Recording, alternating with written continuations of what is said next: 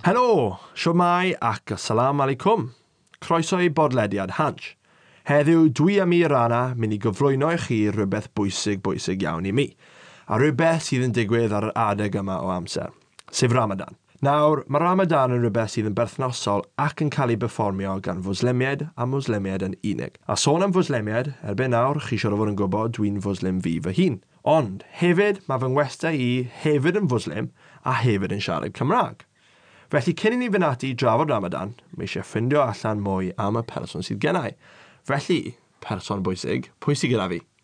Haia, fy enw i Asmin, dwi'n dod o Caerdydd, dwi'n ddysgwr Cymraeg, dwi'n ail iaith, a hefyd dwi'n muslim. Nes i gwrdd â ti, Asmin, diolch am dod. A, a ti hefyd. Ti? Diolch yn fawr. Siwr wyt ti? Ti'n iawn? Ie, yeah, dwi'n iawn. A ti? Ti'n iawn? Good, diolch. Tig tag? Tig tag. Bod atcha. felly dyna bach o ordw i chi fanna. A felly ti'n byw yng Nghaerdydd? Uh, Dwi'n byw yn Glan yr Afon yn Gaerdydd. A uh, ges ti geni yng Nghymru hefyd? Uh, cefais i fy, uh, yeah, fy, fy geni yn Gaerdydd. Uh, Dwi'n 30 a hendlaeth Pakistani. Dwi'n dod o Gaerdydd, ond fy teulu'n o Toba Texing, Gujarat, o Faisalabad yn Punjab, Pakistan. Um, ond y mam o fy tadgu yn dod o'r Calcutta yn Bengal. Oh, really? O'r hewydd o'r partition o Pakistan um, aeth fy great grandma um, from Hindustan to Pakistan. Mm. Ah, um, fi'n gweld. Felly dwi'n cael enw Bengali. A fe? Begum. So beth yw... E, o, oh, Yasmin Begum? Yeah. Ah, fi'n gweld. O, oed ti wedi bod i Pakistan o'r blaen? Uh, dwi'n wedi bod i'r Pakistan um, pan roeddwn i'n plentyn. Felly, o ran magwraeth ti, so ges ti geni yng Nghymru a cefndir Pakistan. So, o ran grefydd, ti wastod wedi bod yn Muslim? um, yeah, fy mam ydy uh, Christian a fy nad ydy uh, Muslim. Es i i'r um, ysgol Sul... O ie. ...gyda fy mam, uh, pwy sy'n Christian, ac ar dydd Gwener es i i'r masjid i uh, i ddarllen fy Coran gyda ah. fy nheulu a fy ffrindiau. Felly mae'r ma cymysg o dau ochr a ti wedi cael profiad o eglwys a mosg te? Ie, yeah, dwi'n wedi cael profiad o, o e, um, eglwys ar, um, ar y masjid, ond um, roedd fy mam um, yn... My mum converted to Islam. Right. Yeah. A fi'n deall. Pan roeddwn ni'n uh, 17 oedd. Ah, dwi'n gweld. Ie, yeah, felly oedd mam a dad fi wedi priodi mewn priodas uh, uh, muslemiad. Oh, really? So, yeah. Wedi cael nica? Ie, yeah, ond oedd hi ddim wedi converto, ddo. So mae hi dal yn Christian. Fel uh, uh, dy fel person Muslim a dy mam yn fel person Christian. Mae yeah. halal, ah. but if it was um, a Muslim woman and a Christian man. Iawn, dwi'n gael. A mae'n diddorol iawn achos y ffaith yw cynyddiant mawr mewn Islam yng Nghymru. Mae y nifer o bobl yn Islam yn cynyddu a mae nifer o bobl yn crefydd pob arall o ran iddewiaeth, chrysnogaeth hyd yn oed yn disgyn. Mae'n ffaith. Ydy, yeah. mae'n ffaith. So nes de, fel y fydde ti'n disgrifio hunan ti fel person grefyddol? Um, dydw i ddim yn adnabod gyda um, uh, fod person religious. Na? Na so ti ddim yn meddwl ti'n grefyddol iawn? Dwi'n... So dim ond tyma bach o fe? Dipyn bach. Dwi'n cultural Muslim. Dwi'n mynd i'r masjid, i'r mosg pan um, person wedi marw. Yeah. Yw uh, fy'n priodi. A fe? Yeah. Os oes ti'n fel gweddio unwaith yr wythnos neu pimp gwaith y dydd, so ti'n neud yn gyson? Na. Na, yr un peth a fi. Um, Dwi'n feddwl bod mae'n tipyn bach um, anodd i wneud fel um, person pwy sy'n LGBT Iawn. a person pwy sy'n menyw achos oherwydd um, does, like there isn't a lot of entrances for women na. in a lot of mosques. Does dim, na. So wyt ti'n gweddio gytre? Hmm? Wyt ti'n gweddio gytre? Na. Na, dim yn gwybod. Na. Digon teg. Wel, fi yr un peth ag ti. Sa'n mynd i gweddio'n aml, ond fi'n mynd prif i gallu. Really? Ie. Yeah. So, dim ond weithiau. Nid pimp amser un peth. Na, gos na. Bydde fe'n anodd neu hwnna. Ond wrth gwrs, sa'i fod i wneud esgysodion, ond o ran be dwi'n wneud pob dydd, dwi'n ddim yn meddwl bydde fe'n uh, rhywbeth hawdd i wneud. Ond wrth gwrs, mae rhaid trio wneud e. Cefais i fy magu yn uh, Cateys ag, a Grangetown yn Gaerdydd. Iawn. Um, felly, eddi i'r llawr o um, mosg uh, gwahanol, y Yemeni, Somali, Pakistani, Bangla, Arabic language speaking. Iawn. Ond beth ydy dy profiad di am fynd i'r mosg um, ac uh, dallu id yeah. yn gyda gyda dy when, when you were growing up? So ble? Yn Llundain, Pakistan, neu... Anywhere. So felly, yn Llundain oedd y tro cyntaf i fi fynd i mosg gyda dad fi, a dde'n profiad rhyfeddol iawn, a dde'n gwahanol, achos oedd dad yn gweud, rhaid, mae rhaid ti golchi hunan ti mewn ffyrdd gwahanol nawr. Gwnaed y wazoo. Ie, yeah, y wazoo yn gymys, so... Beth ydy wazoo? Uh, wazoo yw'r ymolchiad, sef y ablution, cyn uh, gweddio, felly mae rhaid chi uh, golchi eich hunan chi i fod yn ddigon barod ar gyfer gweddio. Yeah. A wedyn pan o'n i'n ifanc, o'n i ddim yn deall pam o'n i'n neud e, achos oedd dad yn gweud, rhaid, mae'n rhaid ti golchi'r ceg ti. A fi hefyd gyda'r dŵr yma fel. Ie, yeah, yn gwmwys, troi'n ti bo fath a wrth gwrs dy trad ti. Ie, yeah, yma. Ie, yeah, lan i'r uh, ankles. Felly oedd hwnna'n rhyfeddol iawn am sy'n ni'n ifanc, ond o'n i'n mwynhau e, achos o'n i'n sefyll bwys dad fi yn hi'n copio popeth oedd e'n neud wrth gwrs. A wedyn erbyn nawr i fi mynd allan i Mecca, mae dad wedi dysgu fi sut i wneud e ar hunan fi. So erbyn nawr, dwi'n gallu wneud e, ar hunan fi yn Mosg Abertawe. Oh, really? Felly, y pwnc fi eisiau siarad am heddi yw, wrth gwrs, Ramadan. A felly, Ramadan te, fel bydd ti'n disgrifio fe? Uh, Ramadan yw nawfed mis yr calendar Islamaidd. Mae calendar Islamaidd yn wahanol oherwydd a'i fod dilyn y calendar lunar. Iawn. Uh, weithiau defnyddir y calendar lunar mewn um, Christoga, Christianity fel yr Pasg. Yeah. Um, mae Pasg yn symud um, bob blwyddyn fel Ramadan, fel Yom Kippur in yeah. Judaism. Um, Yeah. Diddorol, ie, yeah, yn gwmws. Mae Ramadan yw un o'r five pillars yn Islam. Ydyn, y pimp pileri. A ti'n gwybod beth yw'r pimp pileri yma? Um, sawn, zaka, um, salah. Shahada. Bearing witness. a wedyn hajj. Ie, yeah. pilgrimage. Yeah. So felly, yn Gymraeg, y pimp pileri yw y ffydd, So felly gwybod taw Allah a dim ond Allah sydd, a wrth gwrs Mohamed, peace be upon him. A wedyn gweddio, sef y sala, so gweddio pimp gwaith y dydd, a wedyn Zaka, sef elusennau, so cyfrannu tuag at elusennau, chi fod i roi tua 2.5% i pobl llai ffodus na chi. Ond yw ti'n uh, byw yn tylodi, um, it doesn't apply to you? Na, wrth yeah. gwrs. So felly, o'ch chi ddim yn tlawd, chi ddim yn cyfrannu. A wedyn, ymprydio, sef fasting, so yn pradio, ac wrth gwrs yn olaf hajj. Nawr, yn ystod fasting, chi ddim yn bwyta neu yfediod fel mae lot o bobl yn gwybod. Ond mae lot fwy na hynny a y, lo, y pethau arall chi ddim yn cael yw cymryd unrhyw moddion. Peidiwch um, ysmygu. Ysmygu, ie. Yeah. Um, peidiwch um, yfed alcohol. Na, dim o gwbl, so dim alcohol. Um, to um, to avoid sex during daytime hours and throughout Ramadan. Yn gymwys. You chat shit at our pobl.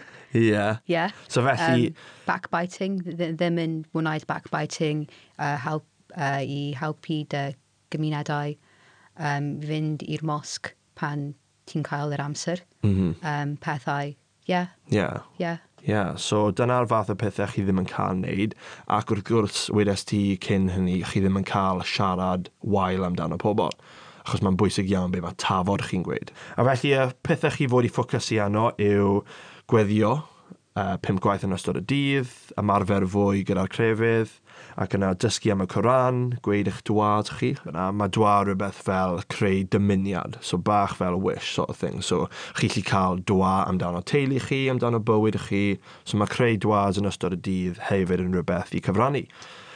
Um, oes ydy ti yn wedi gwrando am cyddoriaeth yn Ramadan? Um, na, so wedi. Na, ti'n offi cerddoriaeth? Yeah, yeah, yeah. ond dwi'n gwybod um, some people, they don't listen to music Na, during Ramadan. Gwmwys. Just well, the sheets. Ti'n meddwl pan o'n i mas yn Mecca, wrth gwrs o'n i na am wythnos, a o'n i heb clywed cerddoriaeth am ages. A ni yn y hotel, a ni wedi dechrau rhoi music arno yn y bathroom, a dechrau cael party, a wedyn o dad fel, oh, ti ddim fod i cael cerddoriaeth. A ni really? fel, a ni fel, pam?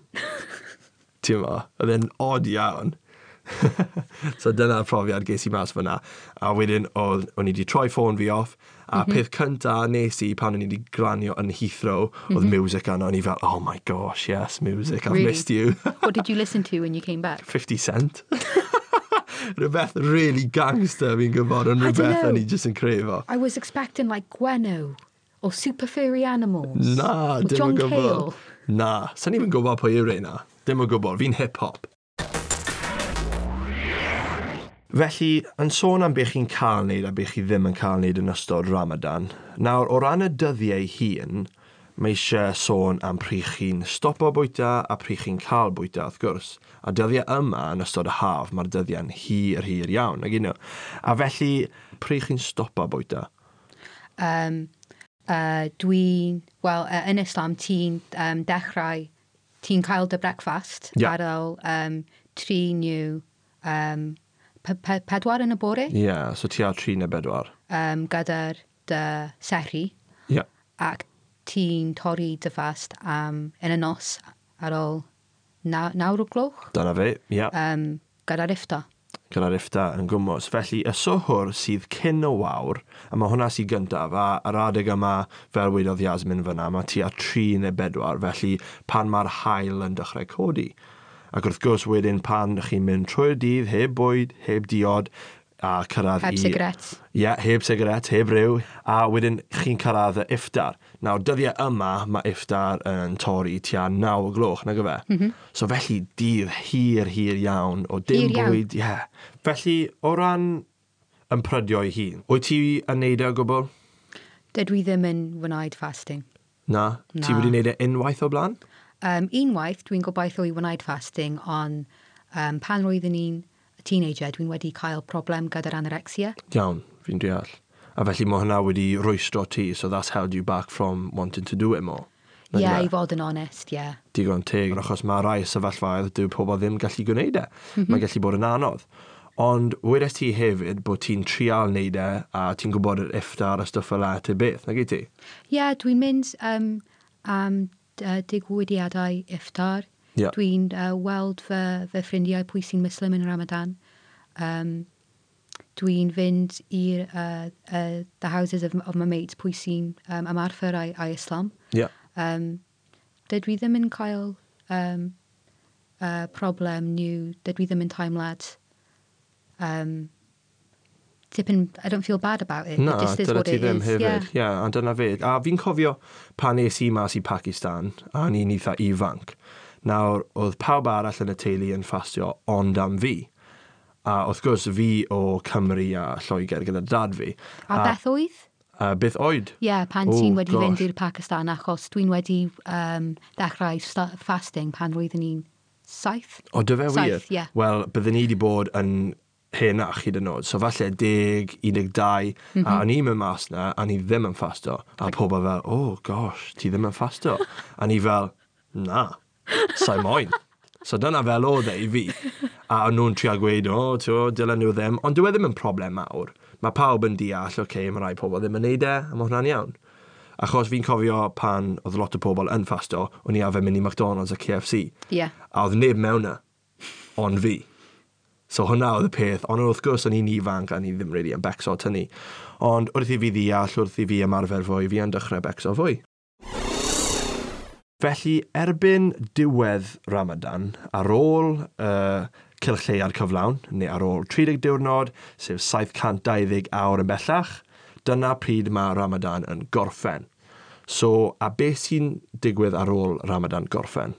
Um, pan ar ôl y uh, gorffennol uh, Ramadan, mae Eid yn dechrau yn y nos um, y dydd wedi. Ie. Yeah. Um, yn y bore, mae bore ydy dydd Gwener. Um, llawer o pobl yn fy, yn fy teulu yn fynd i'r mosg. Ydyn. Um, nhw fynd fel arfer i ddinas i um, prynu um, dillad niwedd. Ie. Yeah. Um, llestri eich uh, catref mm -hmm. hefyd. Ie, yeah, yn gymys. Um, mae Eid ydy three days long. Ie, yeah, yeah. yn gymys. Ie.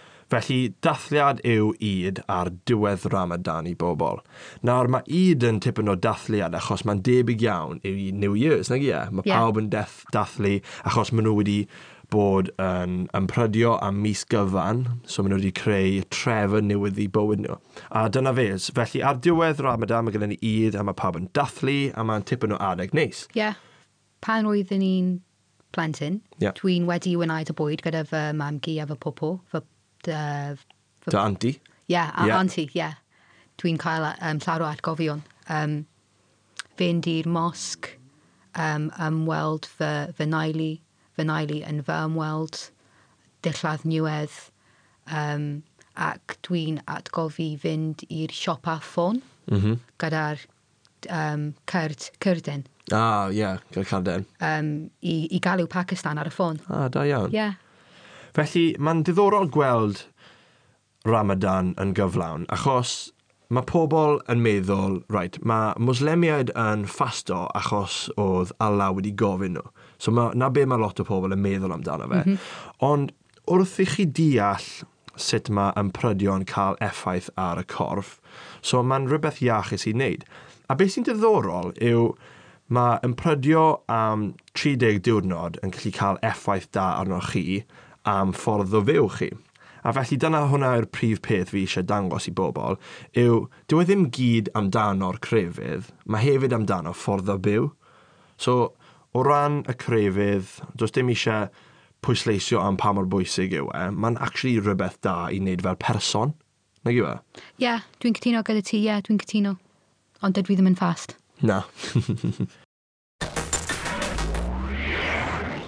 Iawn te, mae'n amser i ni grynhoi y uh, bodlediad yma, a mae wedi bod yn diddorol iawn sgwrsio gyda ti, ac yeah. wedi bod yn diddorol i ti? Ie, yeah, diddorol iawn. Mae wedi bod yn hwyl, nag ie. A wrth gwrs, wedes ti, na wnaethon ni hefyd sôn amdano ti wedi bod ar Twitter, so wyt ti moyn gweud enw Twitter ti pawb bawb sydd falle eisiau dilyn ti? Um, fy Twitter handle ydy Pankistani93. A dyna fe, felly ewch ati i ddilyn Yasmin fyna. A felly dyna ni, diolch yn fawr Yasmin, a diolch i chi gyd sydd yn gwylio, falle, a gwrando. Cofiwch dansgrifio i bodlediadau Hansh a dilyn Hansh ar y cyfrangau cymdeithasol. A dyna ni o fi a Yasmin. Diolch yn fawr iawn o Falik As... Ia, o Falik Yma Salam. Falik Yma Salam. Diolch yn fawr.